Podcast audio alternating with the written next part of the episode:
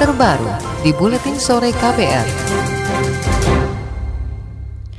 Saudara Komisi Yudisial merekomendasikan 130 hakim dijatuhi sanksi karena terbukti melanggar kode etik dan pedoman perilaku. Jumlah ini tercatat meningkat dua kali lipat dari tahun lalu. Ketua Komisi Yudisial Jaja Ahmad Jayus mengatakan kondisi ini sebenarnya berbanding terbalik dengan jumlah aduan masyarakat yang justru menurun sepanjang tahun ini. Ya tadi saya katakan kalau dari sisi jumlah laporan itu kan menurun, tetapi jumlah berkas yang disampaikan kepada pleno kemudian di pus pleno dari sisi jumlah hakim yang direkomendasikan diberikan sanksi oleh KY dari tahun yang kemarin itu meningkat. Karena apa? Karena mungkin kualitas daripada laporan dan bukti yang disampaikan oleh para pelapor ke KY itu juga lebih berkualitas sehingga KY gampang gampang untuk melakukan proses pembuktiannya. Komisi Yudisial membeberkan sejumlah pelanggaran kode etik hakim di antaranya tidak independen dalam membuat putusan atau berpihak, berkomunikasi dengan pihak berperkara, menerima suap atau gratifikasi, selingkuh dan tidak berkata tidak pantas. Adapun hakim yang paling banyak mendapat rekomendasi sanksi berasal dari DKI Jakarta, disusul Sumatera Utara, Riau, Sulawesi Selatan, dan Bali.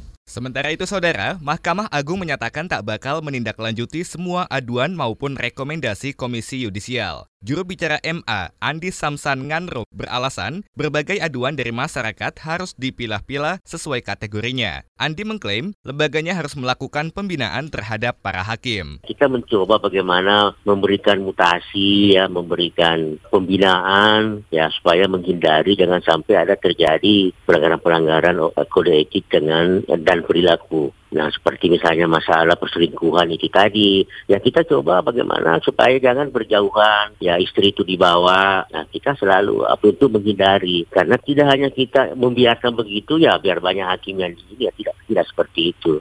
Dan kita juga melakukan pembinaan ya untuk meminimalisir ya untuk kalau perlu ya jangan jangan terjadi seperti itulah. Juru bicara Mahkamah Agung Andi Samsan Nganro membantah tudingan bahwa lembaganya abai dalam menjaga integritas hakim. Menurutnya, pembinaan etika kepada para hakim telah rutin dilakukan. Kata dia, MA tak bertanggung jawab sepenuhnya atas sikap tiap hakim. Banyak pelanggaran yang dilakukan disebabkan faktor personal hakim itu sendiri. Pakar Hukum Tata Negara Juanda mendesak Mahkamah Agung menindaklanjuti rekomendasi dari Komisi Yudisial terkait pemberian sanksi bagi hakim yang melanggar kode etik. Juanda meminta MA tegas sebagai upaya bersih-bersih penegak hukum. 130 itu kalau kita lihat dari kuantitas memang bisa jadi itu banyak dibandingkan eh, ribuannya hakim. Tapi karena selama ini ada sebuah image ketika itu dilaporkan oleh uh, eh, KY atau siapa pun misalnya ke Mahkamah Agung, Mahkamah Agung ada kesan melindungi dan ini yang tidak boleh terjadi. Harapan masyarakat Mahkamah Agung harus benar-benar melakukan bersih-bersih hakim melalui tindakan-tindakan yang objektif, melalui sebuah prosedur yang benar. Pakar Hukum Tata Negara Juanda menambahkan, Mahkamah Agung harus meningkatkan pengawasan terhadap para hakim. Ia juga meminta Komisi Yudisial memperkuat bukti terkait dugaan pelanggaran kode etik dan perilaku hakim.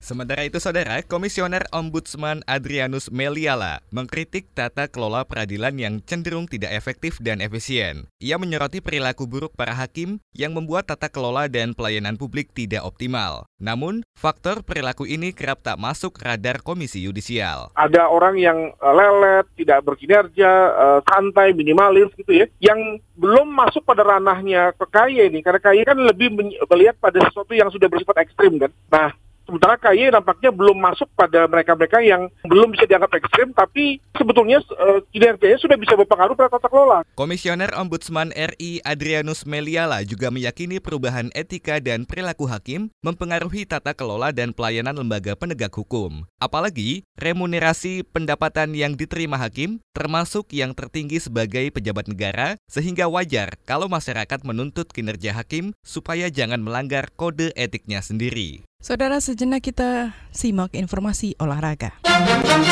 KPR Sport. Pemain sayap Persija Jakarta Heru Susanto bersyukur masih dipertahankan oleh tim Macan Kemayoran untuk berlaga di Liga 1 Indonesia musim depan. Persija memang menyatakan memperpanjang kontrak 13 pemain lokal. Salah satunya Heru Susanto alias Hersus yang didatangkan Persija sejak musim ini. KPR Sport. Dini hari nanti, Leicester City akan menantang tamunya Liverpool. Duel penghuni peringkat 1 dan 2 sementara di Liga Inggris itu diperkirakan bakal seru.